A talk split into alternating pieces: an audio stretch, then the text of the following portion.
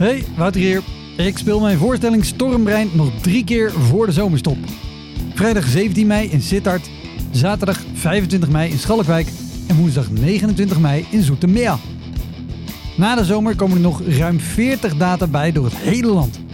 Wil jij als eerste weten waar en wanneer ik te zien ben? Meld je dan aan voor mijn nieuwsbrief op woutermonde.nl.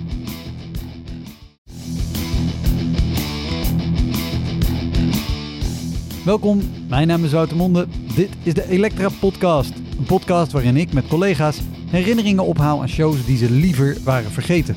Genoemd naar het roemruchte jongerencentrum Elektra in Sliedrecht, dat ooit bekend stond als de comedy hell.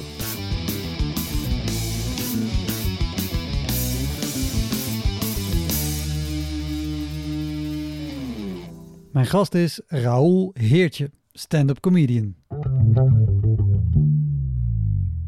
En waarom weet ik dat ze uit de wc kwam lopen? Die had de wc-bril om haar hoofd gehad.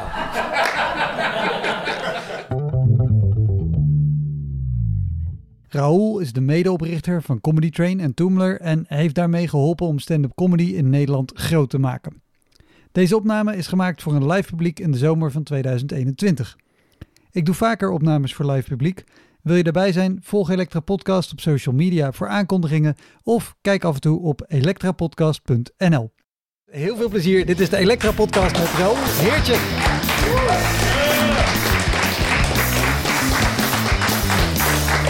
Dankjewel. Wat leuk. Top. En jij wist niet wanneer de jingle was afgelopen. Nee, maar ik hoorde mijn naam. Ik denk, ik ga gewoon, eh, precies. Ik ga gewoon zitten en ouwe horen. Dus dat is wat ik altijd doe. Dus, eh. Nou, dat gaat, gaat helemaal goed komen. Te gek. Eh, je hebt heel veel verhalen volgens mij eh, eh, te vertellen. Want je zei net al, ik heb, ik heb nagedacht en ik heb veel en we gaan Nou, ik heb die echt voorbereid. Maar ik heb het zet op. En ja, ik dacht toch van shit, ik moet natuurlijk wel wat hebben. Dus ik ben gewoon door mijn archief gegaan. Maar toen kwam ik zoveel grappige en erge dingen tegen. dat ik de minst erge dingen. Nee, nee, maar dat is gewoon leuk om. eh, Ja, we, we gaan er gewoon induiken. Ik heb even meegenomen het boek eh, eh, Nee, jij bent leuk over 12,5 jaar Comedy Train. Dat is Ja. inmiddels ook alweer bijna 20 jaar geleden dat dat boek verscheen. Het is uit 2003. Ja. Dus de 18 jaar. Ehm, en dat is sowieso een tof boek. Ik heb geen idee of het nog te krijgen is. Maar ehm, over de eerste jaren van, van Comedy Train, wat jij ooit eh, gestart bent met je broer. Ja.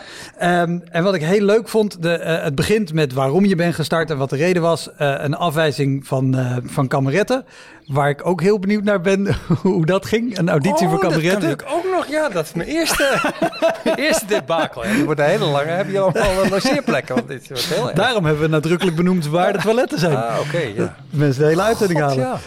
Maar, maar wat een van de redenen was om, om zelf iets te beginnen. Eh, maar ook, en ik, ik haal er even een paar dingen uit. eh, jullie over eh, be- bedachten zelf iets te gaan beginnen. En schreven, Harra en ik werkten een plan uit dat als leerschool voor mezelf en andere talenten zou dienen. We bedachten dat een talent veel moet optreden. Liefst in gelegenheden waar niet de theaterafspraak bestaat dat het talent leuk is en het publiek lacht.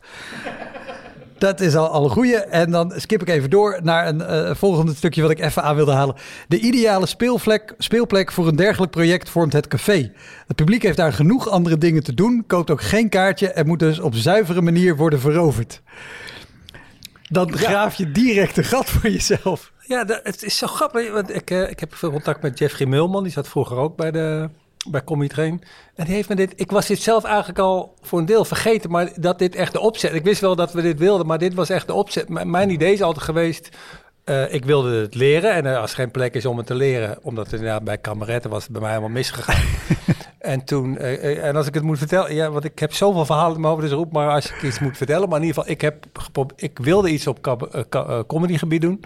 En toen deed ik een kameretten mee aan de audities. En daar werd ik volledig afgeslacht in een soort brief die ik helaas niet meer heb. Want dan, Ik, je hebt een samenvatting hier in het boek geschreven. ja, ik echt.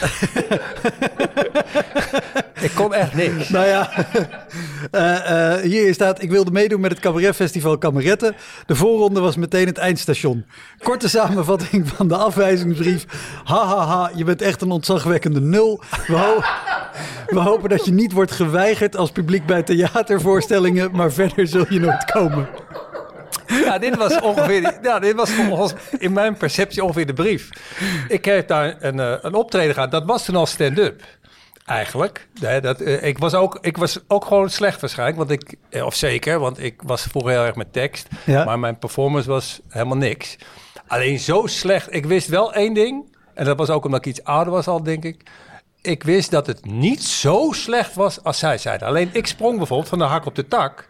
En dat hoorde helemaal niet bij, bij cabaret. Dat, dat kon helemaal niet. Je kon niet.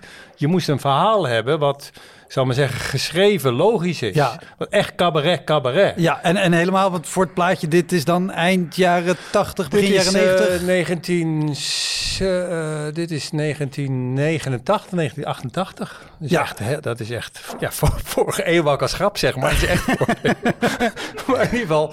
Dus dat was, ja, ik, ik weet namelijk, dat was in, volgens mij in Pepijn. En dan, ja, dat was een hele rare sfeer, want je staat, ik, eh, eh, er waren heel weinig mensen, ik weet niet of dat nu nog is, maar er was zo'n auditie. En ik weet nog een beslissend moment, ik kom nu ineens inderdaad in de Er was één moment in mijn show, ehm, eh, toen ik had het over Koerden gehad en toen had ik iets gezegd van, ja, misschien moeten jullie wel even weten dat ik Joods ben. Want dat is verder niet belangrijk. Maar als ik dan afgewezen word voor het festival, dan weet iedereen tenminste waarom. en, maar nu, ja, nu wordt hij ook gelachen. Maar in die tijd, ik weet niet of dat die tijd lag of dat ik het verkeerd vertel. Maar die viel niet een beetje dood, maar die was echt. Het was echt, want het klonk waarschijnlijk als een soort, eh, ik zou maar zeggen, antisemitisme betichten voordat het überhaupt Ja, ja, ja, ja. gebeurde. Alleen, dus, die- maar dit weet ik ineens. Die viel echt helemaal kapot. En toen kreeg ik dus een brief van hun van, nou, ja, je, eh, je, eh, dit is niet eh, wat wij zoeken. Je, je kan niet van het een op het andere onderwerp zomaar springen. Eigenlijk was het ook een veroordeling van, van stand-up, maar ook dat ik echt helemaal niks kon. Ehm, en toen eh, dacht ik zelf, nou, ik weet dat heel slecht, dat ik heel veel nog te leren heb, maar zo slecht als zij zegt dat is, dat kan ook niet. En toen had ik op de Wallen had je het Antoni Theater. Dat was een hele lieve man, werkte daar, Onno van Dijk. En daar had ik wat try-outs gedaan. En die, ik, was toen, ik was toen een van de stom baantje gaan doen. En die kwam ik toen, ik denk eh, vier maanden later tegen. En toen zei hij, ja, hoe is eigenlijk de auditie gegaan? Ik zei, oh, eh, ik ben totaal, ik ben afgeslacht. Ik, ben, eh, ik, ik weet niet wat ik moet gaan doen. En toen zei hij, nee, maar jij moet gewoon heel veel spelen. Zo slecht als dat kan Oh, niet. wat goed. En toen eh, heb ik Comedy Train opgezet. Niet uit een soort wraak, maar wel, ik dacht wel, er moeten meer mensen zijn zoals ik, die gewoon ja, tijd nodig hebben. Of, Ja. heel, of heel lang kunnen faken dat ze toch grappig zijn. dat kan ook. Maar ehm, en daar, en toen, en het, het allergrappigste van dit verhaal is dat drie jaar later werd ik gevraagd om zelf in de jury van kameretten te zitten. dus toen was ik ineens van totale loser naar dat ik mocht beoordelen of iemand anders kameretten won. Ik, ik zat niet eens in de jury van de audities, ik zat meteen Oh, in de jury van het ook. festival zelf. Dus ja, er is iets misgegaan met mijn eh, carrière. Nou, volgens mij is het best, eh, aardig gegaan eh, Ja. Ehm, maar ik weet niet, helemaal niet meer wat je vroeg. eh, of vroeg je überhaupt iets? Nee, ja, we, te lullen. ja, we kwamen Ja. vanuit kameretten. Ja, Eh, maar, jullie speelden toen in het Anthony Theater. Maar op wat voor plekken eh, begonnen jullie in dat begin te Ja, spelen? toen Als je nou, zegt, het café ja, is de ideale mijn, plek. Ja, mijn, mijn idee was gewoon, je leert het en dan eigenlijk, mijn idee was, je moet het leren op plekken. Kijk, in Nederland was toen het, eh, je had het jeugdhonken systeem. Dus je had overal jeugdhonken en daar, ging je dan, daar kon je klooien. Ja. En als je dan iets wilde op dit gebied, dan ging je naar een festival. Ik ga echt oude comedy train verhaal weer vertellen. Dan ging je, eh probeerde je mee te doen aan een festival. Nou, dan mocht je, als je iets kon, mocht je meedoen. Als je een loser was, kreeg je de loserbrief. En eh, die kreeg ik dan. En als je dat dan dus won, dan eh, mocht je meedoen aan het festival. En dan zat het impresariaat in de zaal. En die pikt dan iemand op. En dan werd van jouw half uur, werd zo snel mogelijk anderhalf uur gemaakt. En dan, zo ging je carrière eigenlijk. Ja. En dat werkte op zich wel, maar het werkte niet voor mensen zoals ik, die blijkbaar meer tijd nodig hadden of op een andere manier het moesten. Daar was gewoon geen circuit voor, want je kwam ook het theater niet in. Dus toen dacht ik van ja, hoe kan ik het dan toch leren? Ehm, en toen hebben we eigenlijk eh, eh, met mijn broer samen hebben we bedacht van nou, als je een soort paraplu maakt waaronder talenten zich kunnen ontwikkelen. En als ik de ene avond heel slecht ben, maar jij redt de avond, dan vindt iedereen mij wel slecht. Maar eh, ik kan me daardoor wel ontwikkelen. En Ja. de volgende week red ik jou misschien. Want de avond gaat niet kapot alleen maar door mij. Nou, dat, wel- en, dat, en dat kan alleen in cafés. Want ten eerste, theaters die wil je helemaal niet hebben. En ten tweede, in theaters is natuurlijk al een soort afspraak. Er is een afspraak. Ik betaal dus het eerste kwartier, half uur ga ik niet weglopen of die man een brief sturen dat hij jaloers is. En, en het is sowieso een hele andere setting. Want mensen hebben aandacht, kijken de goede kant Ja. op. Zitten met een kopje koffie van tevoren in plaats van ja. met bier. En ik had bedacht van, dit moet gewoon zo moeilijk mogelijk. Ja, want Ja. Als, als jij daar komt met allemaal andere beginners die het ook nog moeten leren. En je zegt, je moet het publiek op de meest zuivere manier veroveren. En de ene avond redt de ene avond en de ander, andere avond Ja. redt de ander. Er moeten ook avonden zijn geweest dat niemand in staat was om de avond te redden. Dat is eigenlijk, dat zou je inderdaad zeggen. Alleen de enige die altijd de avond kon redden was John Jones. Ja? John Jones redde elke avond. Ik weet niet of mensen hem nog kenden, maar eh, eh, een geweldige jongen. Eh, eh, enorm goede comedie. Die had ik eh, via de Christmas Twins. Dus, die had een koffieshop in de Utrechtse Dwarsstraat. Daar had ik hem ontmoet. Ja, die, die was altijd goed. Ook als Hans Steven, Theo Maas, weet ik veel, eh, op een bek gingen. Hij was altijd, hij had een kwartier. En dat was gewoon altijd, ja, dat werkte altijd. Maar het was ook, de, de rest ging vaak op zijn bek. Waarom, vooral ik hoor. Maar, Maar we- weet, weet je één specifieke avond waarop je dacht... oh, wat ben ik blij dat John mee is om dit recht te trekken? Nou, wij hebben in Rotterdam hebben wij gestaan. Als ik er voorbij kom, ik weet niet of het nu nog moet ik altijd, eh, knik ik altijd even. Dat heet eh, het Carillon op de op Blaak, op de Blaak. En en want ik was gewoon ook naar Rotterdam toe. Ik, ik ging gewoon naar een café, zei we hebben een nieuw concept.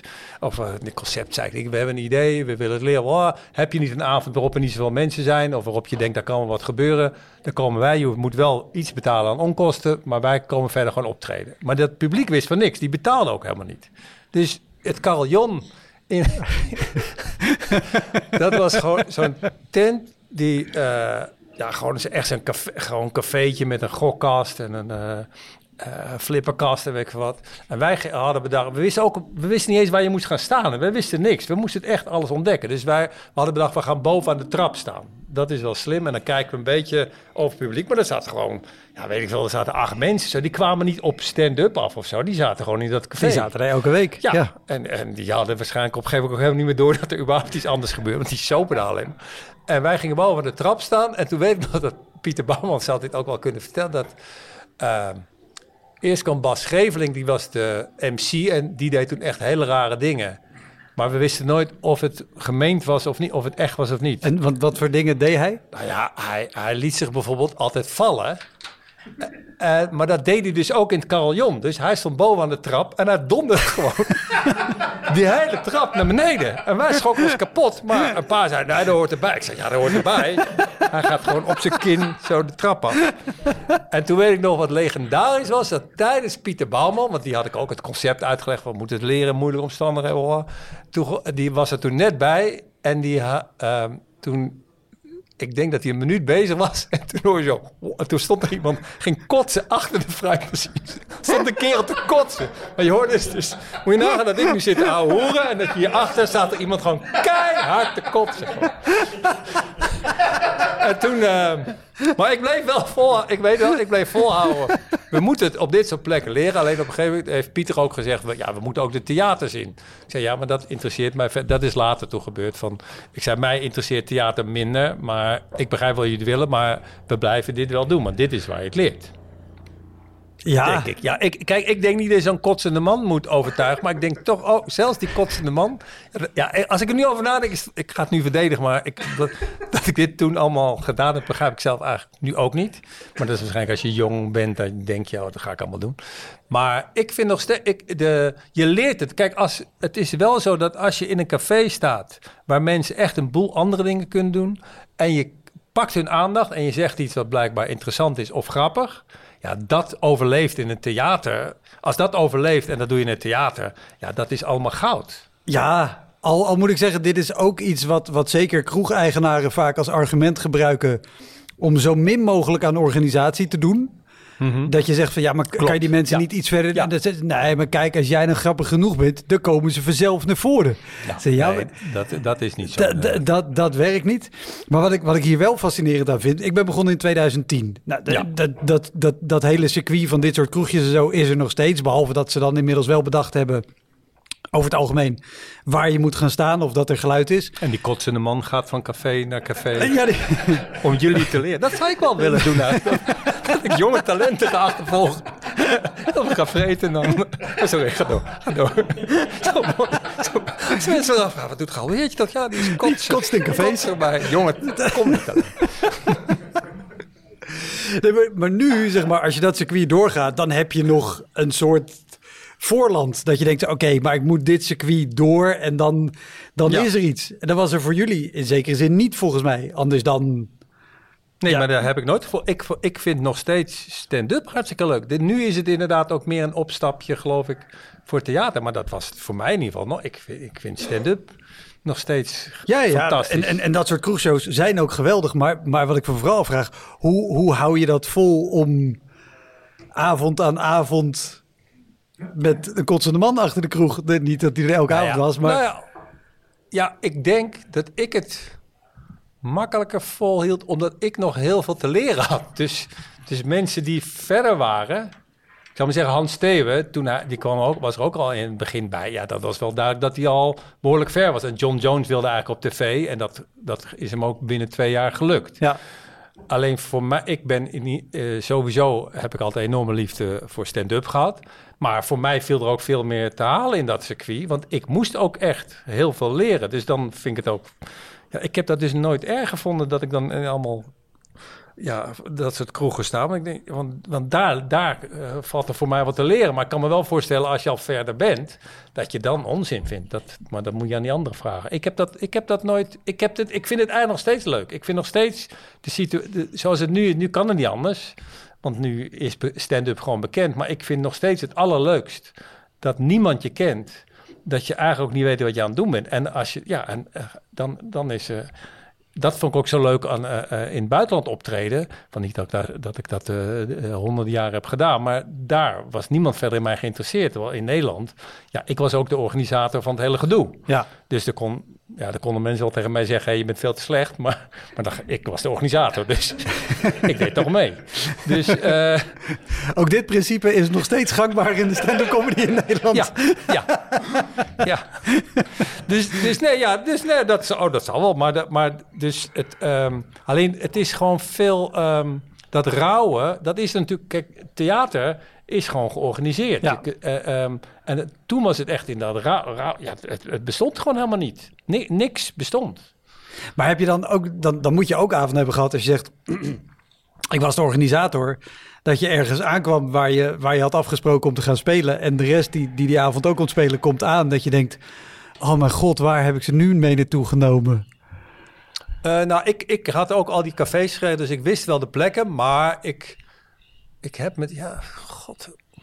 Ik heb een soort, eh, dat heb ik ook gemerkt toen ik vandaag door het archief ging. Ik denk dat ik gewoon veel meer, of archief klinkt zelfs ook een enorme kelder onder mijn huis heb met alle, elke grap. Ehm, ik, ik heb dat een beetje ge- geblokt. Ja, we, we zijn wel een keer in Ude zijn we volgens mij. Ude? Met carnaval? Met carnaval, ja. Dat is volgens mij een bekend verhaal. Dat, heb, ja, dat, dat, dat, dat, dat je echt, dat je met, je met een busje daar naartoe rijdt en dat je allemaal verklede mensen ziet en zo. Toen dacht ik, ja, dit is, dit is niet goed. Dit is niet goed. Dat, dat is wel heel... En ik heb ook wel eens gehad dat we, naar, dat we op een school gingen spelen. Toen dacht ik, nou, middelbare school of zoiets. Maar dat waren gewoon twaalfjarige kinderen of zoiets. En dat is echt... Ik weet totaal niet... Ik, ik heb het helemaal... Het was in Waddingsveen of zo. Ik heb het helemaal geblokt, maar dat sloeg helemaal nergens op. Want het enige wat je daar leert... En dat ik heb, had blijkbaar heel erg in mijn hoofd... Je, leert dus van, nou, wat je ook doet... Je moet niet gewoon gaan doen wat je van plan was te gaan doen. Ja. Nou, en als dat de winst is van het optreden... Ja, dan heb je toch... Ja, het klinkt als een blije eikel... Maar dan heb je toch wat geleerd. Alleen, ja, het is natuurlijk verschrikkelijk. Even voor de duidelijkheid. Het is verschrikkelijk. Ehm, maar ik heb nog, ik, ik- ja, dit was gewoon, ik had, ik heb, ik vind altijd, ik heb een hele grote bek over mezelf en over anderen op de avond zelf. En dan moet het goed zijn, maar uiteindelijk is het doel niet op die avond goed zijn, maar is over vijf jaar goed zijn, maar over tien jaar te goed zijn. Ja. Dat is uiteindelijk eh, eh, waar het om gaat. Net als deze podcast. Uiteindelijk gaat het erom wat jij knipt en dat dat goed is. niet, niet wat ik nu allemaal doe. Ja, Alleen, alleen dit gezelschap weet, eh, ik zit te lullen. Wil jij water trouwens? Ja, ik wil wel een watertje. Ik moest ook vooral lachen toen je zei Ude, omdat we nemen nu hier live op bij Vondel CS. En ongeveer een jaar geleden zat ik echt tien meter verderop met Najib op te nemen. En die vertelde ook, dat ze, ja, we hebben één keer een show gedaan in Ude. En ik had een dronken varken voor mijn neus en een brandweerman. Ik wist niet waar ik terecht kwam. Oh, ja, dit Nee, dit heb ik ook niet. Dat heb ik een keer in Manchester... Ik heb een keer... Ik heb een paar keer toen in Engeland... heb ik één keer in Manchester opgetreden. En dat vond ik altijd zo want daar is het echt rauw. Eh, daar, daar doen mensen gewoon echt mee omdat ze meedoen. Maar daar waren mensen zo dronken. Toen weet ik nog dat kwam op een gegeven moment een meisje uit, tijdens mijn act kwam uit de wc lopen. En waarom weet ik dat ze uit de wc kwam lopen? Die had de wc-bril om haar hoofd gedaan. Maar nu omdat over dronken. En ik weet ik vind het altijd leuk als mensen mee. Ik ga, ik, ik wilde, maar ja, ik, ik weet nu nog dat ik zo... Ja, wat moet je nou zeggen? Als iemand, een meisje gaat naar de wc en doet de wc-bril om haar hoofd en loopt dan weer de zaal in. Jezus, wat dank je. Die was ik helemaal vergeten. Oh, ik ben nu al blij. Oh, ja. Ja, dat maak je dan ook mee. Oh, maar het schoot al direct door mijn hoofd. Ik heb ook al de nodige rare dingen meegemaakt op podium. Maar dit is wel iets dat je er staat en denkt, ja... Nee, maar ik kon, Wat- ik kon niks. Je kan het niks idee mee. is natuurlijk dat, je, dat het leuk is als er iets raars gebeurt. boah, En je gaat improviseren, maar ja, je gaat niet zeggen... waarom heb je de wc-bril... Ik weet niet eens wat wc-bril... Wat is dat in het Engels? Toilet seat. Toilet seat. Oh, dat had ik dan nog wel kunnen weten. Dat knip ik wel. Knip dat er alsjeblieft uit. Zeg even één keer Of het toilet seat. zo dat ik het dan, dat ik het dan aan jou Wat, vertel. wat, is, jij wat is eigenlijk het toilet Engels, eh, voor eh, wc-bril? Toilet, toilet seat, Ah, ja, weet je, dat wist ik wel, maar ik kon geen grappen denken. Ehm, ja, grappig is dat. Dat, je, ja, dat, is, dat is natuurlijk in Engeland sowieso wel... Ja, nee, dan ga ik, dan, het gaat om slechte optredens. hè, Want ik had nog een hele goede grap, maar dat ga ik niet vertellen. Want dat is niet wat is de podcast. Dat, dat, dat mag ook. Nou ja, ik heb nou ben één keer, dat vond ik zelf, dat was, ik, dat, dat was mijn, echt mijn moment dat ik dacht, oh, ik kan niet echt gaan optreden. Toen had ik, eh, trad ik op in, ehm, volgens mij Coventry of ook Manchester, in een, in een pub. En dat was he, daar, je, eh, een beetje zoals Haug. Dus je hebt een heel klein podium en heel veel Club mensen. Haug in- in Rotterdam, je? ja, Eh, hele- een heleboel om je heen, maar die ook allemaal stonden. En heel veel jongens. Eh, eh, en de volgende dag was Manchester United, Manchester City. Dus er was echt zo'n. eh, en dan Manchester City was toen nog een, een, een- arme voetbalclub. Dus het was echt zo'n enorme. En toen was ik aan het optreden. En het was echt eng, want je kon echt nergens heen. Hè? Dus als het, als het niet grappig was, dan. dan Kijk, hier, niet dat ik nu weg ga rennen, maar hier voel ik me nog enigszins Er is een veilige afstand. dat ik ja. weg kan. Maar daar, stel, stel dat ik daar, waar, waar jij nu zit, eh, dat ik daar sta en het is echt erg. En jullie zeggen helemaal, oh, het is heel erg, dan dat is echt eng. Ja. Dat was daar, was het echt, je had de muur en, en, nou, en in ieder geval, ik deed mijn ding en het, het ging oké.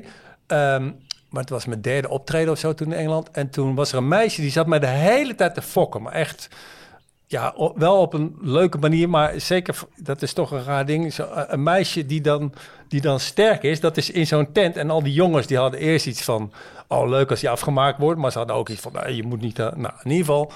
En eh, die bleef maar, en ik had toen een ding over vriendinnen en weet ik wat. En toen zei ze op een gegeven moment, en het was een mooi meisje. En die zei tegen mij, if you were my boyfriend, I would bin you after a week.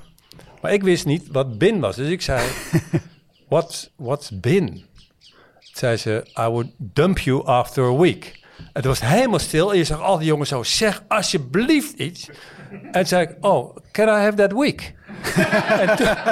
en, dat ging echt uit soort paniek uit. En die hele tent, ik werd ongeveer op de schouders de tent uitgedaan.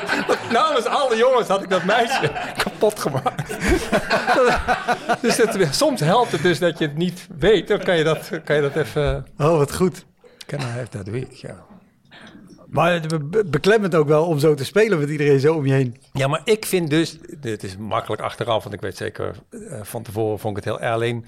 Dit is wel waar je het eh, leert. ja. Want als je niet eh, de enige manier waarop je overleeft is iets te vertellen wat jou, tenminste is mijn theorie, dat je, het, dat je iets moet vertellen wat jou echt bezighoudt. En je moet echt daar aanwezig zijn. Je kunt niet een act doen die je al drie weken, eh, eh, die drie weken geleden letterlijk ook zo gedaan hebt met hetzelfde gevoel als.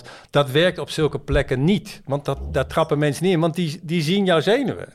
Dat is net, net als hier. Jullie zien, zien mij ook te dichtbij. Dus als dit een hele slecht gerepeteerde act is, dan gaat het ook echt slecht. Ja, Dus, dus, dus ja, en ik vind dat beren interessant. Alleen tegelijkertijd, eh, kan het ook helemaal misgaan natuurlijk. Ja, ja. Maar, maar dat is, kijk, in, in zo'n dat geval... podcast, dus dat is weer dan Dat leuk. is, dat is precies ik deze heb heel veel verzameld in mijn carrière voor jouw podcast. Dat is eigenlijk wat mijn doel Er staat hier was. ook achterin. Uiteindelijk was het doel ja, het te gast zijn. Komt een keer een podcast. Dat is nu een gast van 11, maar ooit. ja, precies. Oh, wat erg. Ik ben heel oud. Hoe oud ben jij? Ik eh, word 41 volgende Ach, maand. Jezus, ben je inderdaad heel jong. Sterker nog, ik heb in 1996 hebben wij elkaar wel eens ontmoet. Ja? Want toen, heb ik, toen had ik een CD-brander. Oh, er komt er nu een heel erg verhaal. Nee, nee, nee, nee, nee, nee, nee, mee. Heb nee, ik ook gebind namelijk? Nee, je vroeg al de hele tijd wat een toiletbril in het Engels was. Dat was een heel erg gesprek. Nee, maar eh, ehm, ik had een cd-brander en die waren toen nog niet zo alomtegenwoordig. Ik heb cd'tjes gebrand van Showbiz City. Nou, ben je? Ja, ja, ja. Ik. Nou, dat vind ik echt ontzettend leuk. Die heb ik nou wel. Ik heb nou tijdens corona alles opgeruimd. Die heb ik allemaal nu ook eh, weer omgezet. Nou, wat aardig. weer. Een heleboel. Met, ook met allemaal van die mixen en zo. Ja, ja, want het, en het was verdeeld, want die branders waren nog niet zo snel. Dus volgens mij waren we met een mannetje of vijf of zes of zo die een brander hadden. Dan moest iedereen tien cd'tjes branden. Nou, wat fantastisch. Dit vind ik echt heel leuk. Dankjewel. Maar dit wist ik echt niet. Nou, alsjeblieft. Jezus. Goede avond is dit dan. Kijk, nu al. Ja, ik vind ja, dit is echt heel goed. Maar, maar Ik ga expres wat slechte verhalen over mezelf vertellen om jouw podcast nog meer te helpen. kijk, dat is, dat is heel fijn. Nee, dit is echt mooi. Maar, hoe kwam jij op het idee in godsnaam? Omdat dat ging dan mixen met die vrienden. eh, nee, ja, iemand anders heeft die dingen gemaakt. Ik kwam af en toe toen in Toemler, want het was toen net nieuw. Ik kwam daar met een vriendin van mij, Angela Bransen. Daar krijg je de groeten van. Ah, Ja, de voorzitter van de fanclub was dat. Nou, kijk eens aan, dat was ik dan weer vergeten. Ja, er zijn wel meer dingen die jij niet... eh,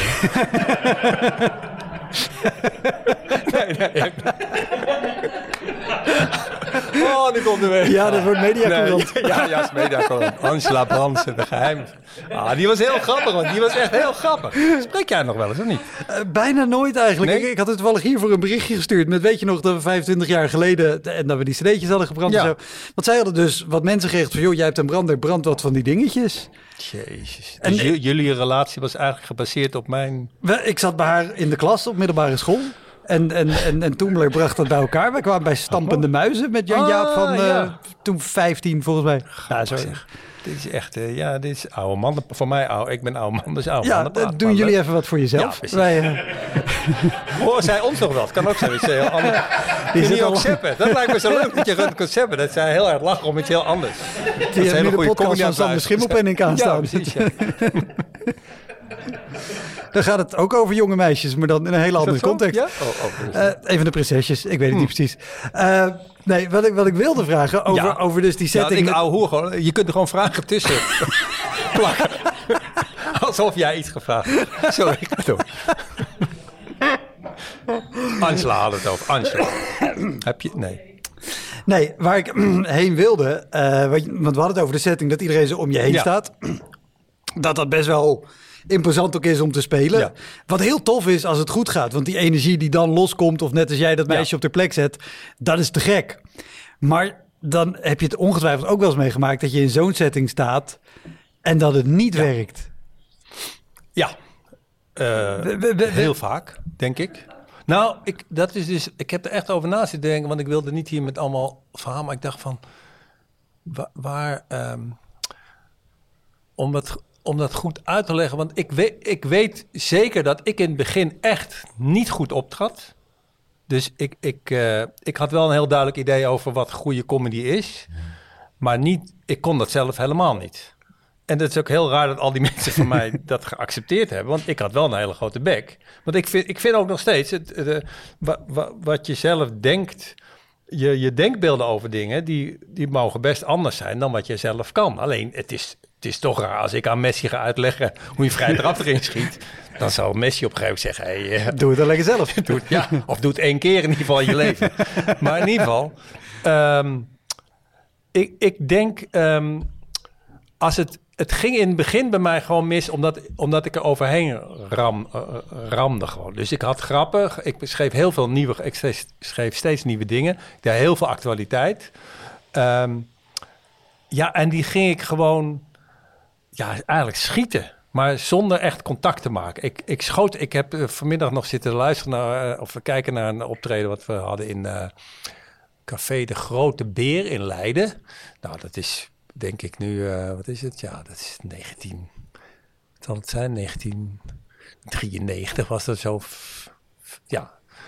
Ja, en dan een optreden van mij is, dat was gewoon, ik hoorde hè, dat John Jones, die hoorde ik dus heel dat lachen. Nou, dat zegt al Dat is geen goed dat teken. het publiek zit en dat je dus John Jones hoort lachen, want die heeft ook wel een hele specifieke lach.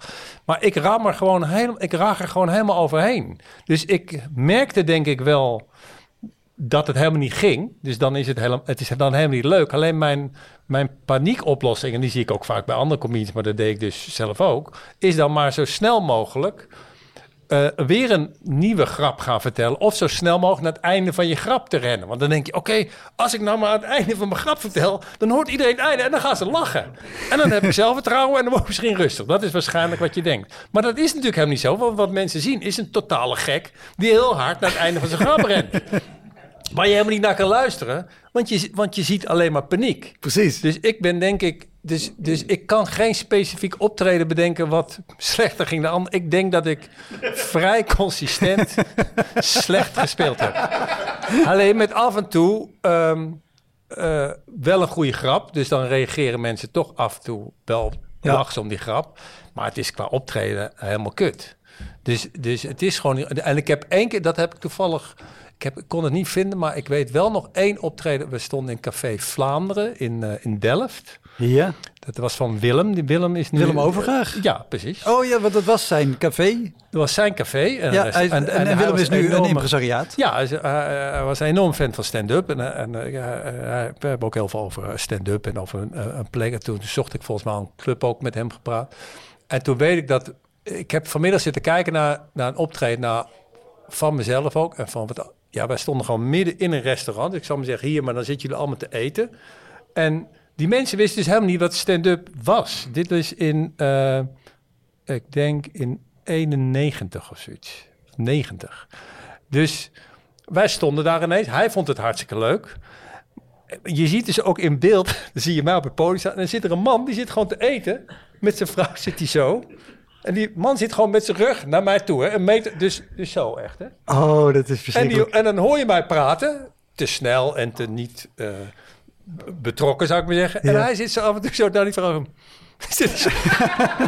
Dat is zo ontzettend. Dat is zo ontzettend. Maar ook zo gênant. Want ik had natuurlijk gewoon tegen die man moeten zeggen... Hey, eh, draai even om. Maar dat, dat had ik helemaal niet in mijn repertoire zitten... dat ik gewoon echt hier en nu aanwezig moest zijn. Maar in ieder geval, ik, ik weet nog van een optreden, ook daar, want eh, we mochten wel altijd blijven optreden.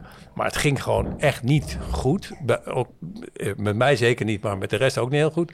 Maar toen was er één keer een optreden, toen had ik weer een hele riedel over. Toen waren Van Gogh, eh, er waren Van Gogh schilderijen, er was een keer Van Gogh schilderij gepakt, of ge- ge- gestolen. En toen waren die mensen waren net gepakt.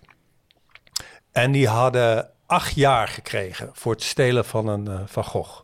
Eh, eh, dat was eh, door de aanklager gezegd. ze moesten acht jaar in de gevangenis.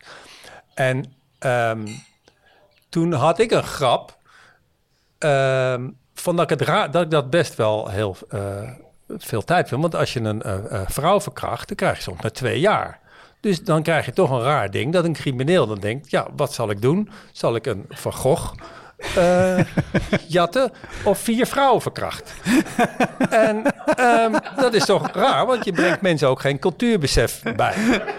En op dat moment loopt er een man, die loopt, die loopt gewoon weg. Die loopt gewoon voor mij langs weg. Dus toen zei ik tegen ja, ik vind gewoon dat jij nu alweer vrij bent. Dat vind ik gewoon heel raar. Wat gewoon echt best wel. Ik weet nog dat die man stopte. Eigenlijk is het een goede grap. Alleen die man stopte. En ik dacht, toen, we- dat is de ene keer dat ik dacht, nou, deze man kan mij nu ook gewoon in elkaar beuken. Want die weet helemaal niks van comedy. Die, weet, eh, die ziet mij en denkt, dat is een soort gek. Die staat hier midden in mijn tent. eh, terwijl, dus dat, dat is de enige keer dat ik weet dat ik dacht van, oh, wacht even. Hier, eh, en ik heb er geen spijt van, maar ik dacht wel van, hier kan het ook echt misgaan. Ja, ja, ja. Weet je? Dus dat, ehm, eh, maar ik heb verder nooit. Ja, ik, ik denk dat ik gewoon een soort. eh, zeg, je dat, zeg je dat? Een man met een missie was. Ik had voor mezelf gewoon. Ik ga dit gewoon doen. En ik moet rustiger worden, dat weet ik.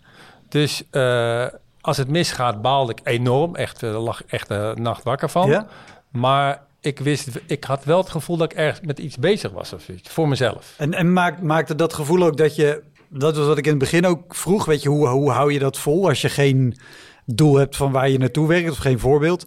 Want als het je zo raakt en je wordt de volgende dag wakker en je denkt, oh kut, en vanavond moeten we naar Café Carillon in Rotterdam. Ja, en gaan we kotsen.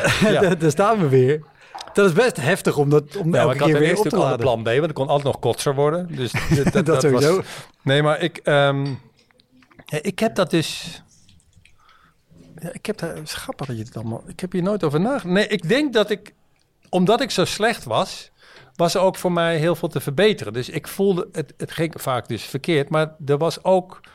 eh, voor mij was het makkelijker... Als je heel slecht in iets bent dan leer je denk ik sneller. Dan, dan als je echt je best doet, is je leercurve en je kunt Ja, het ja, in- ja. da- da- dan maak je sneller stappen. Omdat je, het is veel helderder ook wat er mis is. Het is veel moeilijker om iemand te helpen die al heel goed is, dan iemand die er echt niks van kan. Dus ik, ik leerde en ik kon ook mezelf opdrachten geven. Dus ik weet, wij stonden op een gegeven moment in eh, Café Royaal. Dat is het café van Jan Lemfrink in de Gravenstraat. En daar stonden we elke zaterdag. eh, mochten we daar staan. Ik wilde elke eh, week wat nieuws doen. En daar heb ik wist toen van, ik speel gewoon over de mensen heen. Ik ben niet rustig. Toen had ik, had ik mezelf als doel gesteld dat ik vlak van tevoren was Sonja Barend was nog op tv. Dit is echt 1809 is dit denk ik. Dat was zwart-wit ook Ja, nog. ja, was zwart-wit. Ja, er was ook maar één, net, er was ook maar één tv-toestel. zat je met z'n allen in het Vondelpark, zat je daar omheen en dan zonder koptelefoons. Dat had je helemaal niet. Dat- dat- Mensen hadden nog niet eens oren. Dat was nog niet. De evolutie was net begonnen. Ehm, maar in ieder geval, ik was op mijn dinosaurus naar de Café Royal eh, gereden. En toen had ik mezelf voorgenomen, ik moet dus... Kijk, ik ging namelijk staan en dan ging ik meteen vertellen... eh, dan ging ik, meteen, ging ik me, meteen mijn verhaal vertellen. Ik, ik, ik, ik zei nauwelijks goedenavond. Eh, dus ik had mezelf voorgenomen van tevoren moet ik naar So- Sonja Barend kijken. En dan moet ik wat zeggen over de uitzending van Sonja Barend. Wat helemaal nergens op sloeg, want de mensen in het café... Die zaten Die, in het die café. zaten in het café. maar die had helemaal niet gezien. Dus dat heb ik me pas later gerealiseerd. Dat het, alleen daardoor moest ik gewoon... Daardoor heb ik mezelf geleerd normaal te praten. Ja, dus ja, daardoor eh, zei ik van ja, dat hebben jullie niet gezien, maar eh, dan praat je dus anders. Je zegt ja, je weet allemaal, allemaal, dan begrijp je. De, dus, de, dus ik denk dat ik daardoor op een gegeven moment iets heb geleerd. Ja, ja ik, het, eh, je, het is een hele terechte vraag, maar ik weet, ik weet gewoon niet hoe dit. Nee, nee, ik, ik denk is dat je bij het mij. ook moet hebben. Want ik, ik, ik hoor het bij heel veel mensen die ik hiervoor spreek. Dat je denkt, ja, maar hoe, hoe hou je dit vol? En dat zeg je, ja, maar dat is gewoon wat ik, wat ik wilde doen en wat ik deed. En gewoon oogklep op en Het is, gaan. ook, het is ook natuurlijk een enorm bord voor je kop, want het is een raar soort arrogantie en overschot aan zelfvertrouwen. En tegelijkertijd heel onzeker allemaal, want zelfs als je het kan, dan was er, helemaal, dat is wat je, dan was er helemaal niks. Het is niet zo als je in die tijd een goede comedian was, dat je dan, dan, dan zegt, oh nee, een goede comedian, mooi, eh, hier is je salarisstrook. Zo was het ook niet. Dus, Nee. dus alleen het is gewoon, ja... Ja, dit is volgens mij het goede van jong zijn. Dat je dan dit soort dingen, daar denk je helemaal niet over na. Later denk je, ik ben helemaal stapel gek. Maar dat is juist het leuke eraan. Oh, absoluut. Hoi, Wouter hier. Wist je dat er al meer dan 160 afleveringen van Elektra online staan? Dus het kan heel goed dat je net die aflevering hebt gemist met een comedian of cabaretier die jij echt helemaal te gek vindt. Op elektrapodcast.nl kan je makkelijk zoeken op de naam van de gast. En daar kan je ook heel makkelijk doneren of crewmember worden om mij te steunen bij het maken van deze podcast. Als je in je podcast of streaming app even klikt op abonneren of volgen, dat is gratis, krijg je elke week een melding als er een nieuwe aflevering klaar staat. Oké, snel weer terug. Hey, Wouter hier. Wist je dat Elektra Podcast ook op YouTube te vinden is? Op een handjevol afleveringen na staan daar namelijk alle afleveringen met beeld. Zoek gewoon naar Elektra Podcast en vergeet niet te abonneren. Hey, Wouter hier. Ik speel mijn voorstelling Stormbrein nog drie keer voor de zomerstop. Vrijdag 17 mei in Sittard, zaterdag 25 mei in Schalkwijk en woensdag 29 mei in Zoetermeer. Na de zomer komen er nog ruim 40 data bij door het hele land. Wil jij als eerste weten waar en wanneer ik te zien ben? Meld je dan aan voor mijn nieuwsbrief op woutermonde.nl. En ma- maakte dat ook dat je, dat je makkelijk dingen, eh, opdrachten aannam? En de reden dat ik het vraag is dat ik volgens mij sowieso Lebbes, maar ook wel... ehm, ik denk ook Jan Jaap en nog wel iemand, Jaap van der Wal, eh, in de podcast heb gehad. Die zeiden, ja, we hadden een optreden in het Tropenmuseum. Ja, dat had Raoul dan weer geregeld. Met op... ik ben nu bang dat je weg Ja. gaat lopen uit dit gesprek. Ja. Mijn advocaat eh, zal, kan elk moment hier zijn. Maar, maar, maar vooral wat- ik, wat ik probeer te zeggen is... Het, het, klonk alsof zij zeiden... Ja, dat waren opdrachten die we zelf ook niet hadden verzonnen. Maar Raoul nam dat soort klussen gewoon aan. Misschien is dat mijn invulling hoor. Ja, oh, nee, nee, nee, maar we gaan niet... eh, in- ja, ik...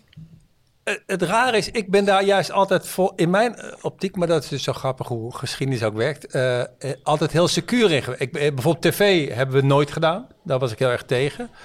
Eh, ik wil, eh, het ging mij eigenlijk altijd om de voorwaarden. Van, er moeten goede voorwaarden zijn dat je kunt optreden, waaronder je kunt optreden.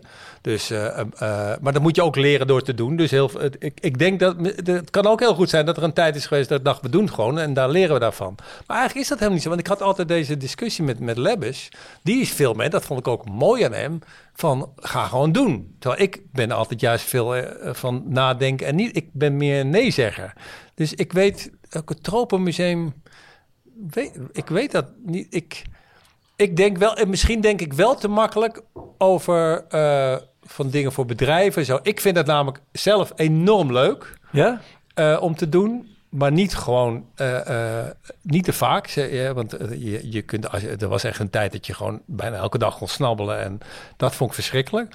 Maar ehm, ik vind het aanpassen aan, aan de gelegenheid en aan, eh, aan het bedrijf, maar ook aan de situatie. Dat vond ik hartstikke leuk. En misschien ben ik daar te makkelijk in geweest. Ja, het kan. Het, het, ja, dat is eigenlijk.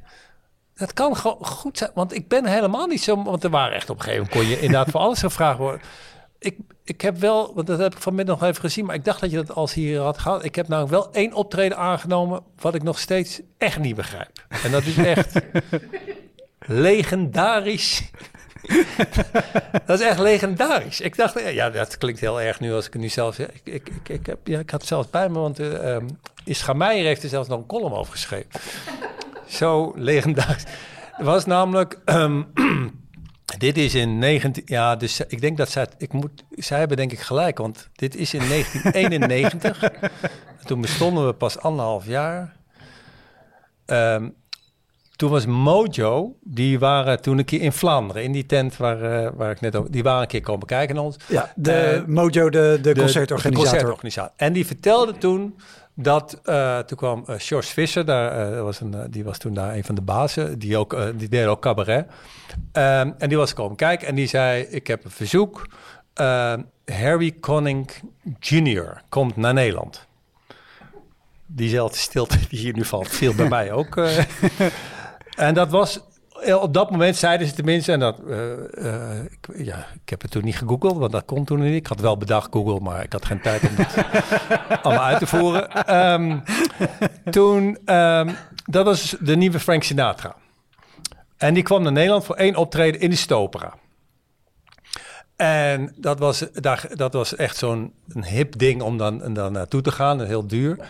En um, die had uh, heel erg aangedrongen dat er stand-up comedians voor zijn show zouden spelen.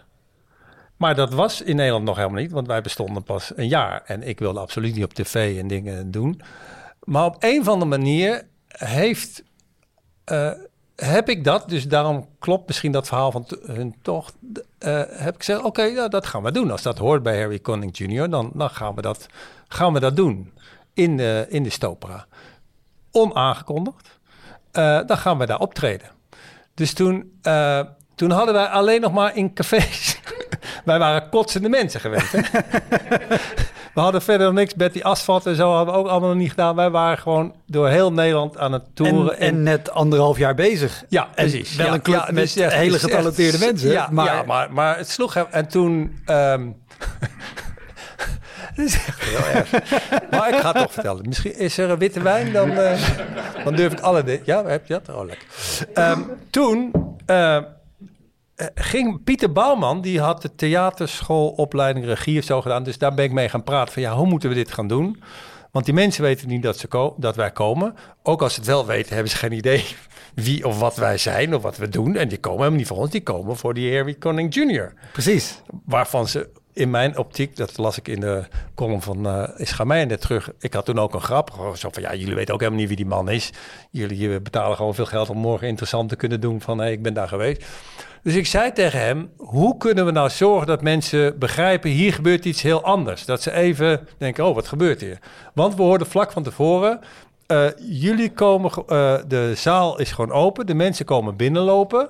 En op een gegeven ogenblik, dat wilde Harry Conning Jr., die moet ik echt nog een keer dat jullie gewoon beginnen. Dus het is niet van, uh, dames en heren, kom niet geen, nooit van gehoord hoor. Nee, je, je komt gewoon op. Dat is dus, kansloos. Ja, dat is. Uh, nou, dat blijkt. Je, uh, had jij toen maar tegen mij gezegd dat is kansloos? ik was elf, sorry, totaal, ik was er niet bij. Ja, ah, nee, dus om totaal debiele redenen dacht ik, ja, dat is een interessant ding.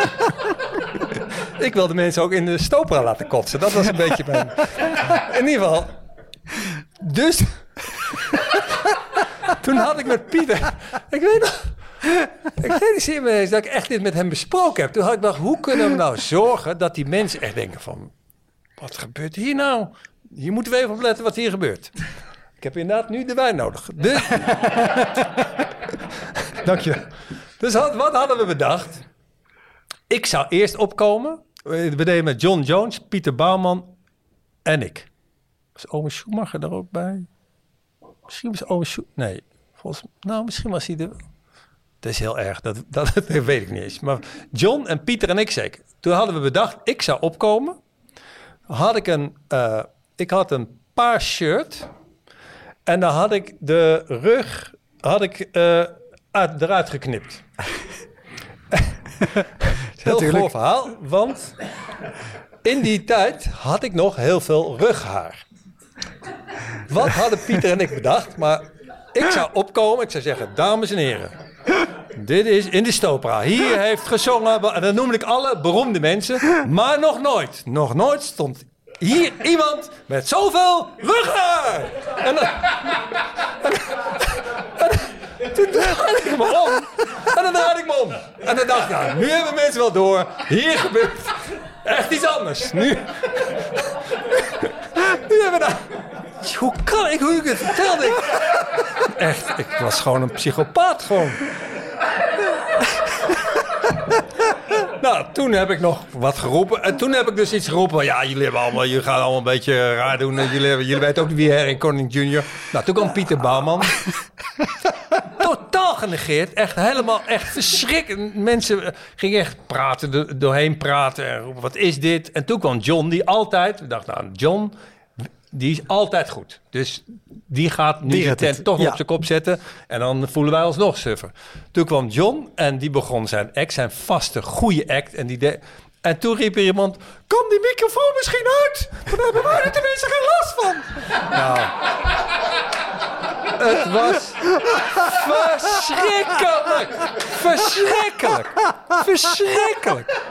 Verschrikkelijk. En toen, en toen weet ik nog, dan, het was echt een erge afgang. Ik, ik, ik, het was dramatisch. Ja, ik, je, kunt die column van Ischamij, die is eigenlijk heel lief, want hij wist waarschijnlijk wel in ieder geval wie ik was, want uh, via mijn familie. Maar gelukkig heeft hij dat niet gemaakt. Het werd helemaal afgemaakt. Maar in ieder geval, toen, wat wel mooi was, toen, uh, toen liepen wij af. En toen kwam er, stond er iemand van de, van de band van Harry Conning. En die zei, nou jongens, dat was oké. Okay. Ik zei, oké, okay, het was hartstikke slecht. Zei hij, nee, maar dit is toch wat er gebeurt? Dit is, dit is, dit is wat er gebeurt. Ze komen voor ons, maar uh, dit is wat in Amerika ook gebeurt. Moet de comedy, hij, dat was dus zo grappig. Zij hadden dit niet van, van wat een loser, maar hij gaf het eigenlijk een soort van, nou, dit is, ja, dit is gewoon, uh, ja, dit is wat, die mensen komen niet voor jullie, maar het is wel goed dat er een soort act is, die, en wat er wat gebeurt en dit en dat. Voor hen was het helemaal normaal. En toen daarna kwam het hoofd van Mojo, dus boven George Visser, die kwam de kleedkamer binnen. En, en wij zaten daar echt als wij, ja, wij waren totaal verslagen natuurlijk. En toen zei hij, uh, nou jongens, uh, het is, uh, was heel erg, maar er zijn erge dingen op aarde.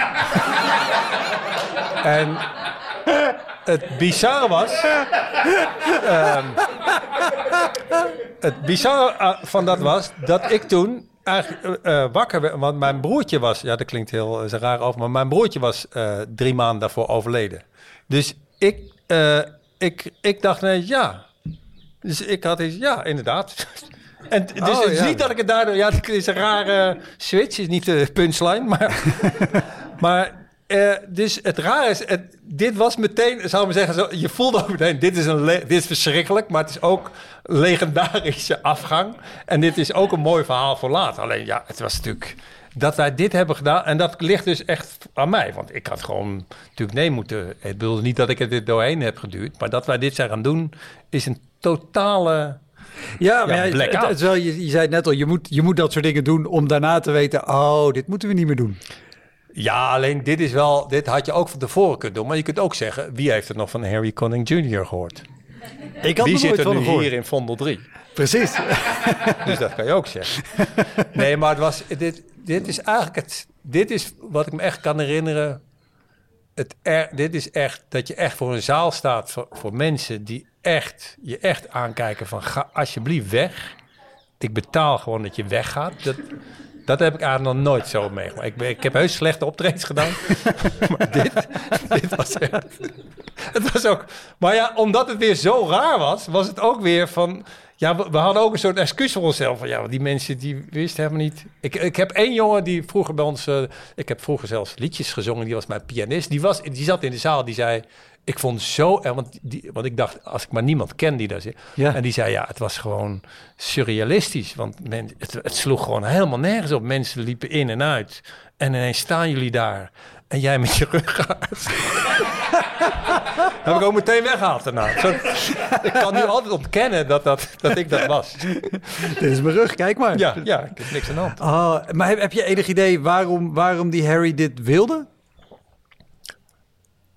In Amerika was dit voor hun in ieder geval gewoon een soort eh, traditie. Het is, het is heel vaak dat eh eh comedians hebben ook voorprogramma's, maar, maar muzie- eh, eh, muziekacts of muzikale acts hebben heel vaak comedians, maar volgens mij niet, niet hele slechte die niemand kent. En mensen kennen de kunstvorm niet eens. Ja, en mensen kennen die Harry Connick Jr. waarschijnlijk wel, maar als ze helemaal niet weten dat er ook iets gebeurt. Dat, het slaat gewoon helemaal nergens. Nee, nee, nee, nee. Het sloeg op alle niveaus nergens op. Dus ik, ik denk dat ik het vooral interessant vond... Omdat, omdat die Amerikanen dat wel zouden begrijpen of zoiets. Wat een heel raar ding is. Want je speelt gewoon voor het publiek. Je speelt voor 1600 mensen in de zaal. En als die het niet begrijpen, dan slaat het nergens. Ja, ik... ik, ik Daarom, eh, misschien wat Lebbes eh, eh, zegt, klopt wel dat ik toch te veel plekken heb gezegd. Nou, laten we het gewoon Nou ja, het, proberen. het kan ook de beleving van een avond zijn dat de andere comedian op zijn avond denkt: Oh, ja, dit heeft Raoul weer geregeld omdat het voor die persoon ook, niet ook, goed gaat. Terwijl jij dacht: Nou, de voorwaarden zijn hier oké. Ik vind, ik vind in doen. principe, het ligt... eh, eh, kijk, mensen... Kijk, je moet niet bijvoorbeeld tijdens een diner eh, optreden. Dat hebben we vroeger ook. Dat, zou ik, dat, dat heb ik heel snel gezegd, dat moet je niet doen. Of een vrijgezelle party, dat moet je niet doen. Mensen die staan en in en uitlopen en bar open en zo, dat zou ik ook niet zo snel doen. Maar dat hebben we misschien in het begin ook moeten doen om dat te leren. Ja, dat, ik weet het niet. Ja.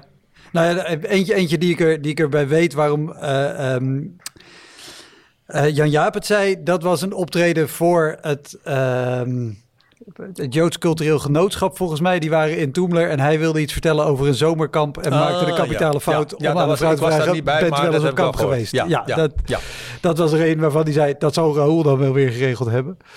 Nee, maar je kan wel Maar- voor Joods maatschappelijk werk optreden. nee, dan moet je niet over, eh, over een kamp beginnen. ja, dat vind ik een ander ding. Dat heeft gewoon een andere connotatie. Ja, ja, ja. Dat was ook een onbewuste fout. Heb, heb je zelf wel eens zo'n als ik, eh, als uitglijder ik voor een, oude, een, oude, een, een groep eh, oude zwarte mensen spreek, zeg ik er ook niet. Ze zijn allemaal met de boot gekomen. Dat, dat doe je gewoon niet. Nee, dat, nee dat, doe- dat doe je toch niet? Nee, nee. Of Nee, doe je niet? het- Dan kun je verwachten dat mensen... doet het in ieder geval niet bewust. ander- nee, niet bewust. En dat deed hij ook niet bewust. Maar het gaat om... eh, je maakt... eh, eh, eh, je associeert... Je mensen associëren. Dat is... heb ik zelf wel zo'n blunder gemaakt. Ja, Ja, ongetwijfeld. Ja, ik heb dat... Dan ben ik want waarschijnlijk... bijvoorbeeld met zo'n meisje, dan, dan raak je de toevallig Ja, de juiste goede, snaar. nee, maar ik heb natuurlijk die ook kan je keer net zo fout goed gedaan. misraken. Nou, ik heb denk ik wel, maar ik weet het is geen voorbeeld. Maar ik, wat ik wel vaak, zeker in het begin, ik vond altijd praten met mensen leuk. Maar ik maakte er altijd een soort wedstrijd van. Dus ik, eh, ik vind als je praat met mensen in de zaal, moet je dat doen omdat je echt iets wil weten of omdat je echt wil praten. En ik wil, maar ik denk ook vanwege de zenuw, omdat ik, dat ik niet genoeg zelfvertrouwen had dacht ik dus dat alles wat iedereen in de zaal deed, dat dat eigenlijk een, een aanval was. Ja. En dat is volgens mij een klassieke comedyfout ook van zwakkere of comedies of beginnende comedies. Dat je dat dan als een aanval, dus dat je meteen ze, ze zeggen iets of ze doen wat of ze lachen raar en dan denk je, oké, die gaat helemaal kapot. Ja. En dat, dat hoeft helemaal niet. En dat heb ik denk ik heel vaak eh, verkeerd gedaan. Gelukkig heb ik daar ook weer van geleerd om dat dus niet te doen. En juist, het is juist heel leuk om met mensen te praten. En er komt helemaal niemand in een club om jou kapot te maken. Dat is helemaal niet in theater, zeker in Nederland niet. Nee. Niemand heeft de bedoeling om jou kapot te maken. Maar op het podium, als je... Als je, ja, het is natuurlijk dezelfde onzekerheid als mensen hebben die hier zitten of op een feestje. Je denkt meteen van, kut, ik moet me verdedigen. En in die verdediging ga je vaak in. Dat denk ik, ik denk dat ik dat heel vaak heb gedaan. Ik denk dat ik heel vaak, dan zei iemand, eh, dat werd op een gegeven moment ook een soort vast ding voor mij. Dan, dan had ik het over iets en dan riep iemand, eh, weet ik veel, eh, ja, de hypotheekrenteaftrek. En dan zei ik, wat, ben jij nou voor, voor sukkel? Heb je nou echt eh, betaald om om tien over tien hypotheekrenteaftrek te roepen? En dat ontstond, soms werkt dat, omdat mensen echt heel raar, dat zullen het er ook wel eens hebben, dat mensen ineens iets heel, een hele rare associatie hebben. En ineens ja. dat roepen, hè, dan heb je het over uh, tosties en ineens roepen ze hypotheekrenteaftrek. Dan kan dat, maar je kunt niet elke keer dat maar gaan roepen. Als dat, eh, eh, nou, dus ik denk dat ik dat heb gedaan. Ik kan me niet herinneren... Ik weet, ik weet alleen dat ik in, in Amerika werd... Ja, dat klinkt net zo'n hele flitsende carrière. Maar eh, in Amerika heb ik, eh, ging ik optreden in Atlanta. En daar had ik het over vlagverbranden. En daar kwam achteraf iemand uit het publiek naar me toe. En die zei, dat moet je niet doen, hè. Dat moet je echt hier niet doen. Je moet, mensen eh, houden niet van vlagverbranden. En eh, mensen hebben wapens. Dus dat moet je niet doen. Doe me- dat is, ik, schrok, ik schrok echt. Terwijl mijn ding ging juist over van waarom is vlagverbranden zo'n zo'n ding. Dat ging, dat was, ja. Dit was juist het onderwerp. Want er was toen eh, de cartoonrellen waren toen. Dus ik had toen een heel dingetje over dat ik het dan altijd zo eh, zielig vind als, als groepen kwaad zijn op een ander land. Dan gaan ze eerst de hele dag eh, met karton en kleurpotloden een vlag maken. En dan, nou, dan hebben ze dat uiteindelijk bij elkaar geraapt. En dan s'avonds gaan ze er allemaal op springen en in de fik zetten. Dat is toch gewoon super zielig. Dus daar kun je toch niet kwaad over worden als Nee. iemand een hele slechte Amerikaanse vlag met de 42 sterren in plaats. Weet je, dat is gewoon heel zielig.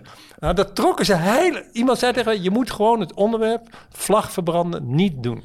Maar ja, dan is het natuurlijk juist leuk om het wel te gaan doen. Dus, ehm, maar ik weet niet... Heb ik, ja, ik, heb, ik heb denk ik echt domme dingen gezegd, maar ik weet niet... Nee, ik kan me niet herinneren, sorry. Oké, nou, maar maakt niet uit. Dat is eh, slecht. En eh, één ding wat ik me ook eh, heel lang heb afgevraagd. er stond altijd op de, op de website bij, eh, bij vroeger... eh, van, nou, je bent welkom, maar niet met groepen.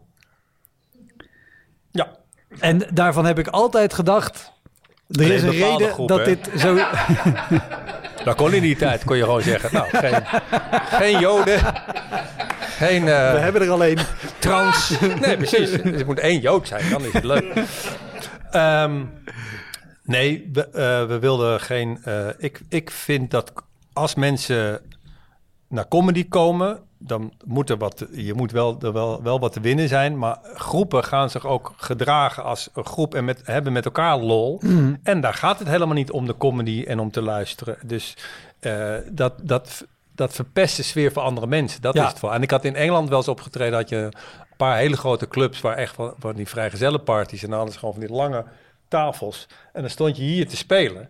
Maar ja, die tafels, die zaten ook echt... Die, die, die stonden zo, dat ze echt met hun rug... Ze moesten zich echt omdraaien. Nou, dat, dat is gewoon... Dat is niet te dat doen. heeft niks meer met comedy te maken. Het gaat wel om liefde voor comedy. Ik vind als je als comedyclub zelf zo weinig liefde voor comedy hebt... dat je, dat je vooral om geld gaat. Want er valt enorm veel geld te verdienen aan vrijgezelle groepen en zo. Want die, die zuipen maar door. En ik vind sowieso het idee dat je een club zou hebben... en dan komt er iemand als banaan verkleed binnen... dat is, dat is mijn deurbeleid ook. Bananen komen niet binnen. Dat is... dat is nee, dus dat, Nee, dat- dat- dat- heel, dat- heel begrijpelijk. Ik, ik heb altijd gedacht, er moet haast wel een specifieke aanleiding zijn. Nee, dit anders is vrede. Nou ja, dit gaat om... Ik, ik- mijn idee is altijd geweest, maar hoe dat nu is, weet ik natuurlijk allemaal niet. Maar mijn idee is altijd geweest, je, je, je, de artiesten moeten in alles leidend zijn. Die, zijn. die bepalen alles. En die bepalen de artistieke voorwaarden. En een van de artistieke voorwaarden is, is dat mensen in ieder geval minimale interesse hebben in comedy.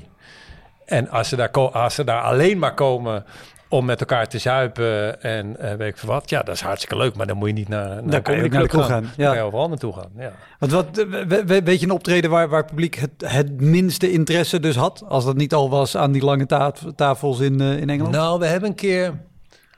Oh, dat, we hebben ook een keer. Dat, heb ik toch inderdaad. Ik heb toch wel veel, veel blunders gemaakt. Ik heb, we hebben ook een keer gehad. Toen was er een bedrijfsoptreden in Toemler. En toen was ik inderdaad nog. eh, in ieder geval artistiek leider. En toen.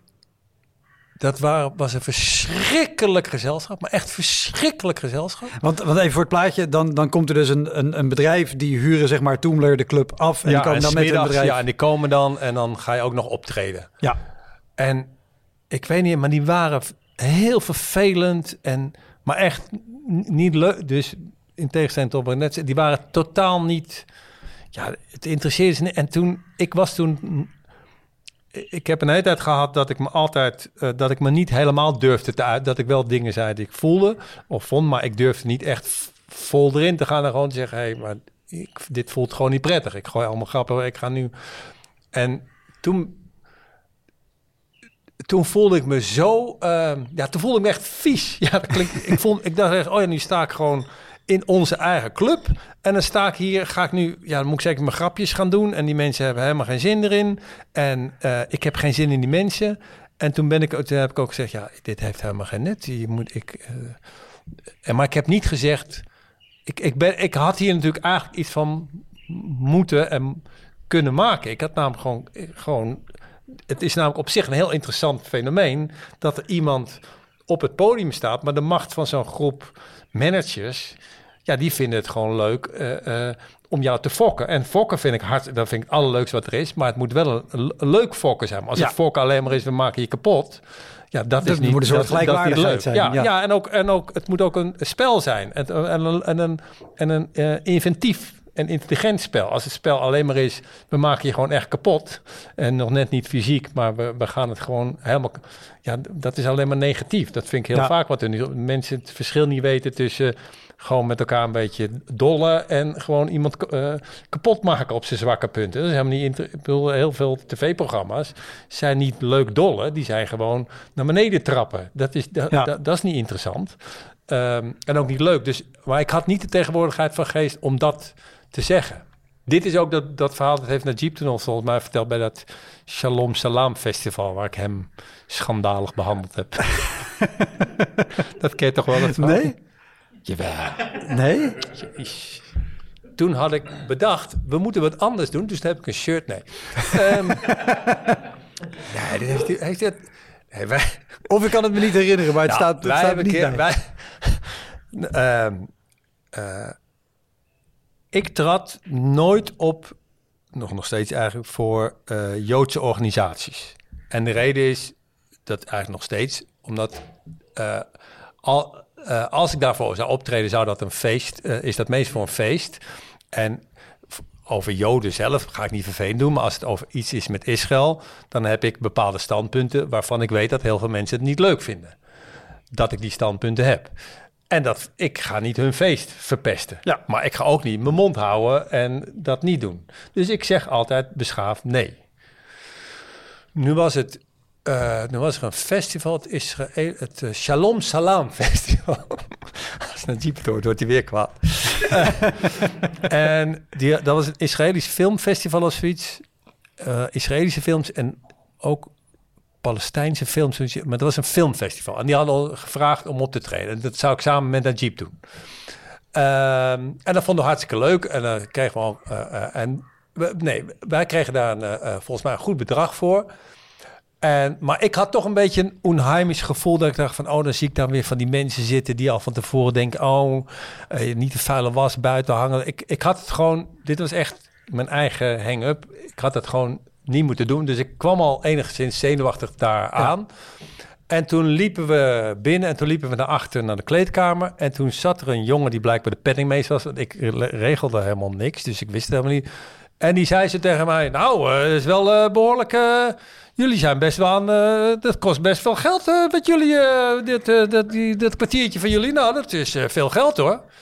En ik dacht, wat ben jij van. Ik, ik, en ik had het helemaal gehad. Hè. Ik was echt... Ik dacht, wat een eikel. Wat dat, ik bedoel, dit, is echt, dit doe je gewoon echt niet. Hè. Gewoon vlak van tevoren, dat Nee. soort dingen. Sowieso moet je niet roepen. En ik, ik, ik wist ook helemaal van niks. Dus ik had enorm de pest. En ik was toen, dus toen nog niet in staat. Hier had ik gewoon mijn hele act over moeten doen.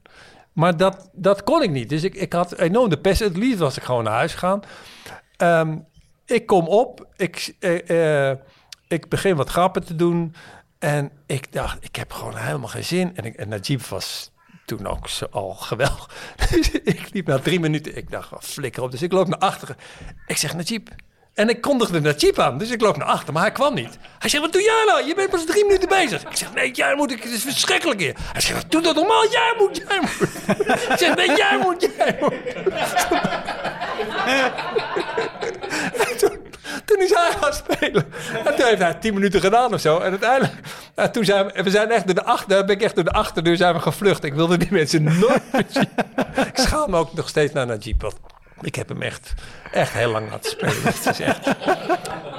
Maar dat was achteraf, denk ik, het was alles fout. Ik heb dit allemaal fout gedaan. Maar dit was, ik was toen gewoon nog niet in staat om, om wat er gebeurt, gewoon, gewoon te gebruiken. Want dat, Ja. dat, dat is eigenlijk het enige wat je kan doen. En dan nog kan het misgaan. Maar dan wordt het in ieder geval spannender en interessant. En in ieder geval voel ik me dan prettig. Maar als ik me onprettig voel, dan kan ik helemaal niet spelen. Dus dan werkt het ook. Nee, een hele andere tak eh, van sport. Ik eh, nam afgelopen zaterdag op met... eh, Zit je hier nou nog steeds? Is, is het eigenlijk heel raar? Zo, ja. Het wordt nu gewoon een soort gijzelingssituatie. Ja. Een beetje Stockholm-syndroom. Dit is pas bij de intro, hè? Ja, precies. Ik heb hem nog niet eens aangezet, joh. Ik heb een shirt bij.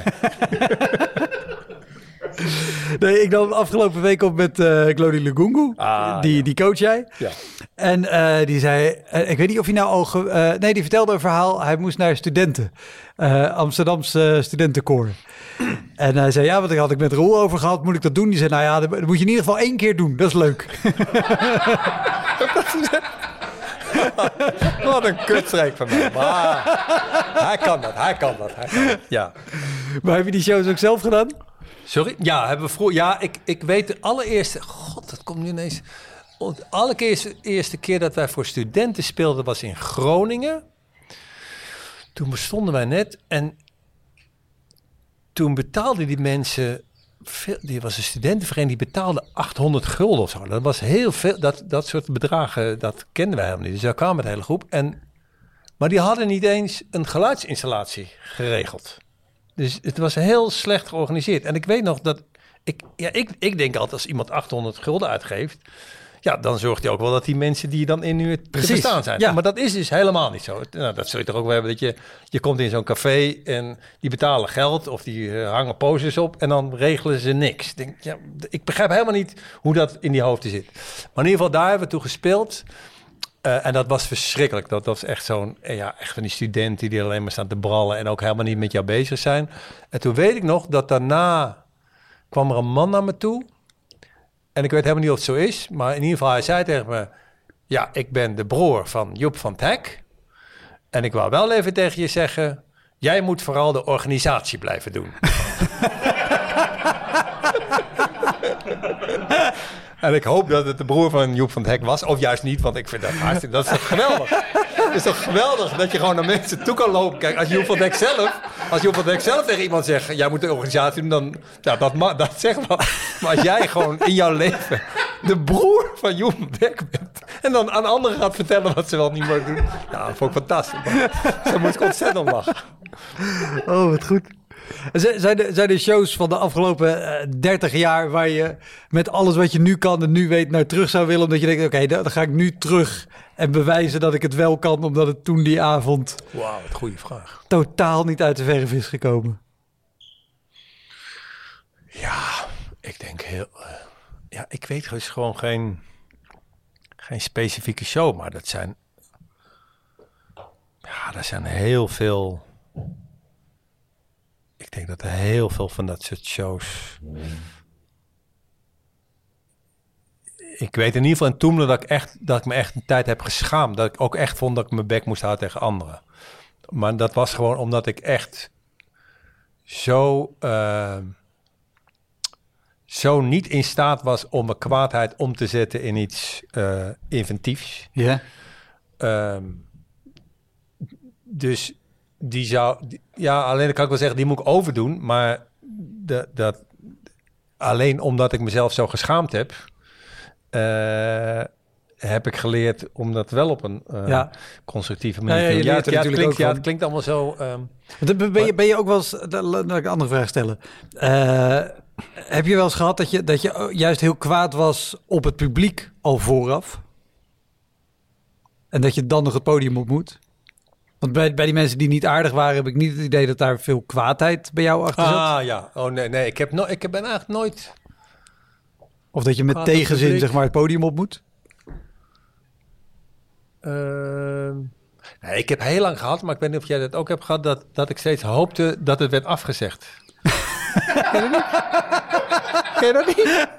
Heb ik zo lang, ja, en, maar op een gegeven moment merk ik dat ik dat altijd wilde en dat het dan, eh, vlak van tevoren wilde ik dat dan weer niet, maar ik dacht dat, ja, het mooiste zou toch zijn als, ik, als, als het niet Ja, doorgaat. ik- maar, maar gewoon, uh, uh, gewoon uit een soort angst van...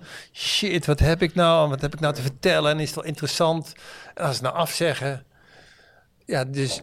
In- Incidenteel herken ik het. En ik heb nog wel eens, als, als het eh, bedrijfsopdrachten zijn, dus maatwerk... Dan denk ik nog eens, oh, het zou heel fijn zijn als ze nu bellen dat het, dat het niet doorgaat. dan hoef ik het niet te doen. Oh, die vind ik juist altijd... Die vind ik juist het allerspannend. Nee, maar ik had het vroeger vooral. Vroeger had ik echt van... Oh, als ze nu afbellen... Ja, dat, dat zou toch wel heel prettig zijn. dus nee, maar ik heb nooit dat ik... Ik, ik vind ook principieel dat het publiek... Het is nooit de schuld van... Ik, ik weiger te denken dat, dat, er, dat publiek... ehm, ergens naartoe gaat en niet minimaal open staat of neutraal staat tegenover jou van, en je een kans geeft. Dat is niet zo. Dus als het misgaat, dan, dan begint dat bij jou. Natuurlijk is soms publiek moeilijk.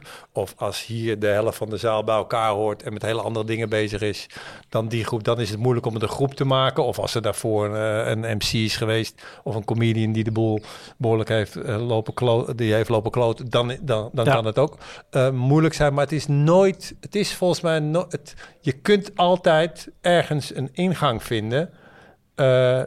Om contact te maken. Zoals dat in het echte leven denk ik ook is. Alleen in het echte leven zijn er ook wel eens momenten... Ja, dat iemand gewoon helemaal doorgesnoven is... of eh, agressief of vervelend wat dan ook. Ja, dan wordt het best moeilijk. Ja, Zeker met mijn grappen. Dan zeg je, ja, maar je bent wel doorgesnoven. Maar, eh, dus... ehm, dus nee, ik ben nooit... Ik, ik ben nooit... Wacht even, nu zit ik ineens weer... Oh, wat ik wel een keer...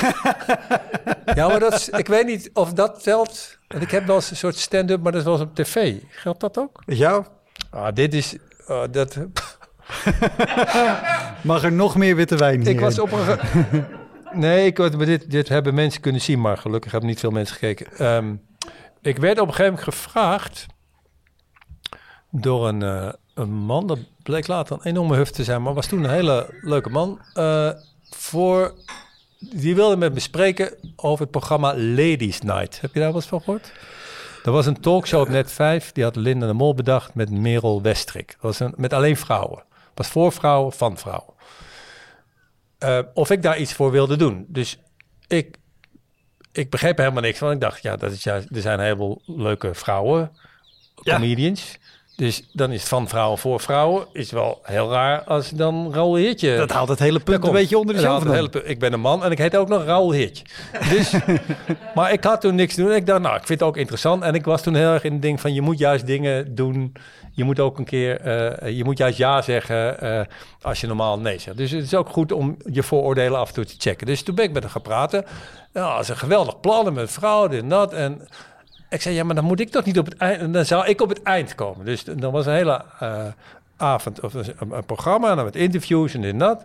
En dan op het eind ga jij zeggen wat jij ervan vindt. Ik zei, ja, maar dat is juist niet wat, wat je wil. Dit is juist niet wat je moet doen.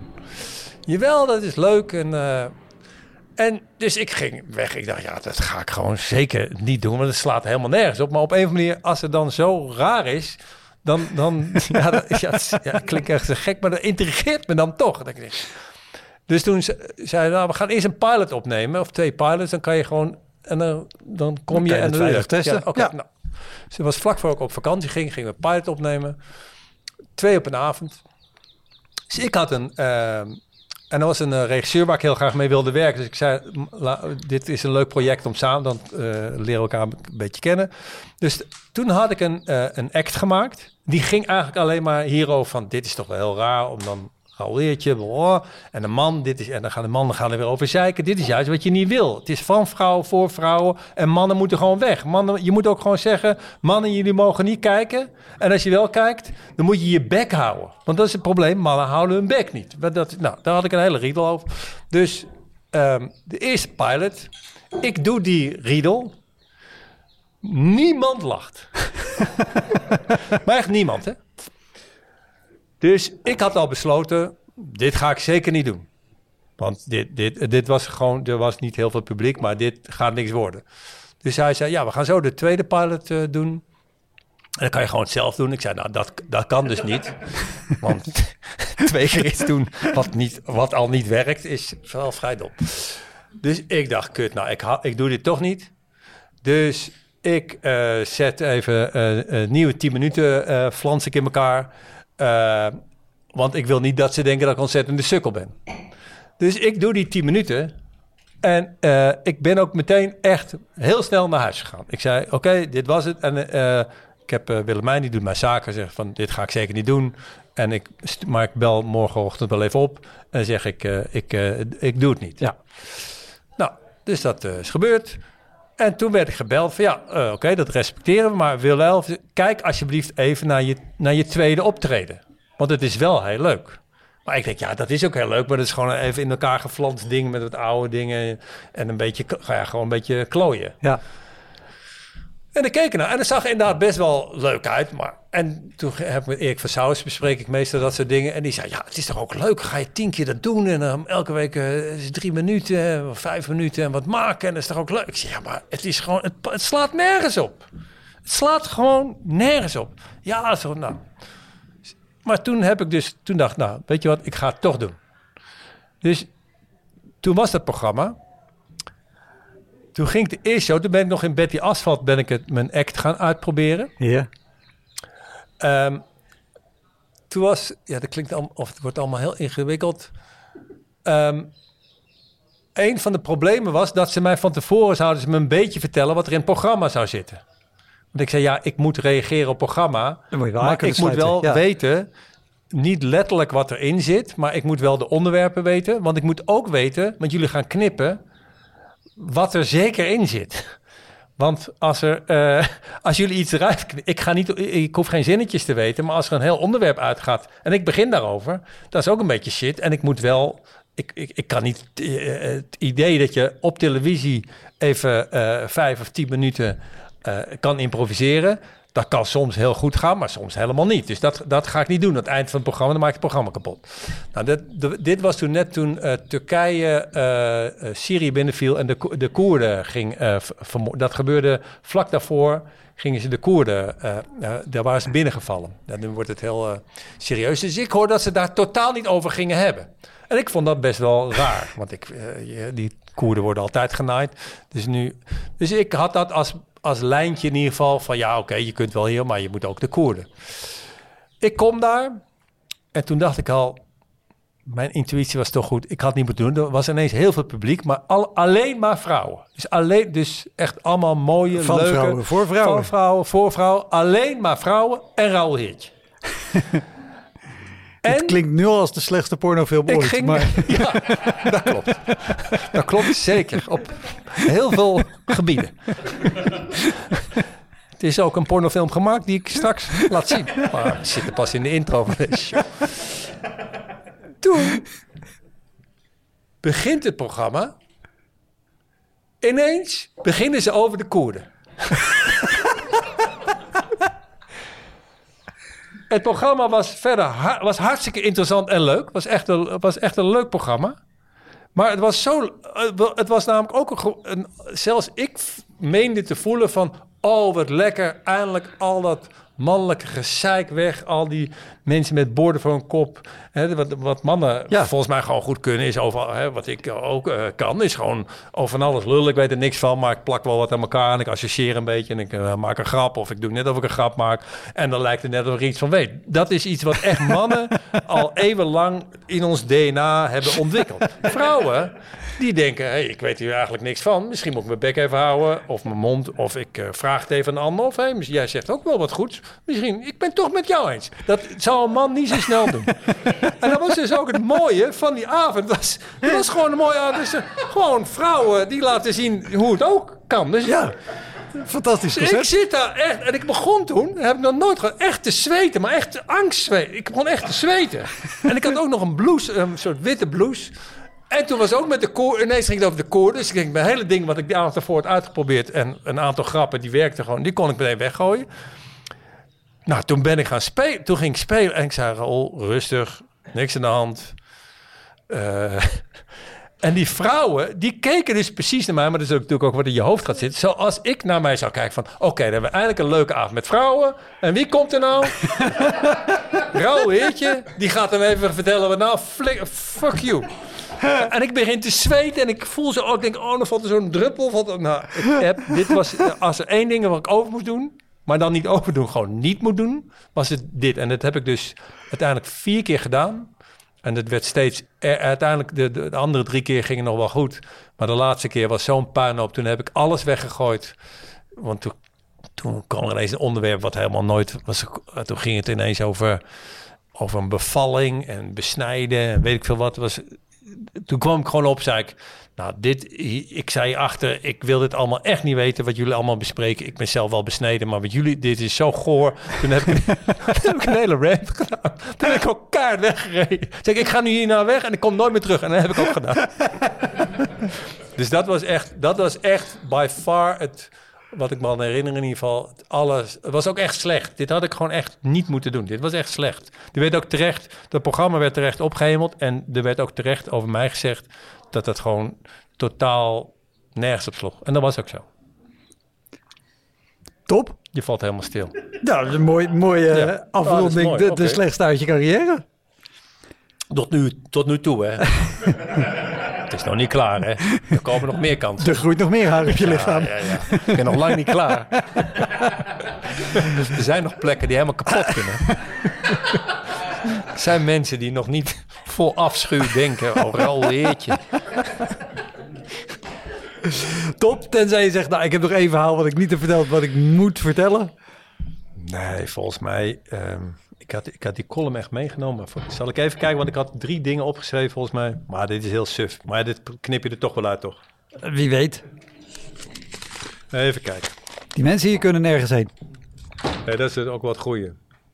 Nee, ik heb... eh, dit is allemaal schitterend. Dit zijn allemaal... eh, Allemaal comedy goud. Allemaal goud. Nee, is voor je volgende podcast. Is voor slechte podcastmomenten. Dat is dit. ja, die komt er zeker in. ik doe er alles mee. Hè. Ik, pak al- ik, pak- ik pak alles aan. Goed, dankjewel. Rol Heertje. Goed om nog een keer te benadrukken. Op 4 oktober, maandag 4 oktober, eh, doen we ook weer een live podcast met Podcast en Chill. Maar dan met Philip Geubels te gast in de Kleine Comedie. Eh, je hebt daar die kortingscode op staan. eh, Elektra in kleine letters. Maar we weten niet wanneer de kortingscode door de Kleine Comedie weer opgeheven wordt. Dus zorg dat je snel je kaartjes koopt. Nu geldt die nog. En we weten niet wanneer die niet meer geldt. Dit is gewoon of een scam of heel veel drinken, toch? Want het kan ook zijn dat het heel lang duurt. Ja, dat kan Dat ook. je elke week naar de kleine comedie... eh, Laat hem nog maar even staan. Dit moet nog, Ja. moet nog even door. Sorry, nee, sorry. eh, dankjewel en veel plezier. En tot de volgende keer. Hoi.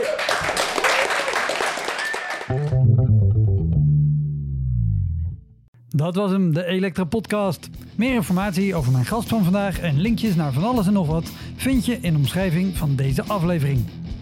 Er staan ongelooflijk veel afleveringen online van Elektra. En op elektrapodcast.nl kan je makkelijk zoeken op de naam van jouw favoriete comedians en cabaretiers. Je kan daar ook eenmalig doneren of crewmember worden. Als crewmember betaal je maandelijks een klein bedrag, maar dan krijg je ook nog eens bonusmateriaal. Je luistert voortaan zonder onderbrekingen en je krijgt consumptiebonnen die je kan inleveren bij een show van mij. Ik vind het sowieso te gek als je een keer komt kijken bij mij. Dus ga naar woutermonde.nl, daar zie je precies waar en wanneer ik optreed. Of meld je aan voor de nieuwsbrief, dan hou ik je op die manier op de hoogte. En dan nog iets, elke vrijdagmorgen doe ik een column op radiostation Kink. Je kan die column terugluisteren als podcast. Hij heet Kink op de Week en je vindt hem in de app waar je ook deze podcast luistert. Oké, tot de volgende Elektra. Hoi!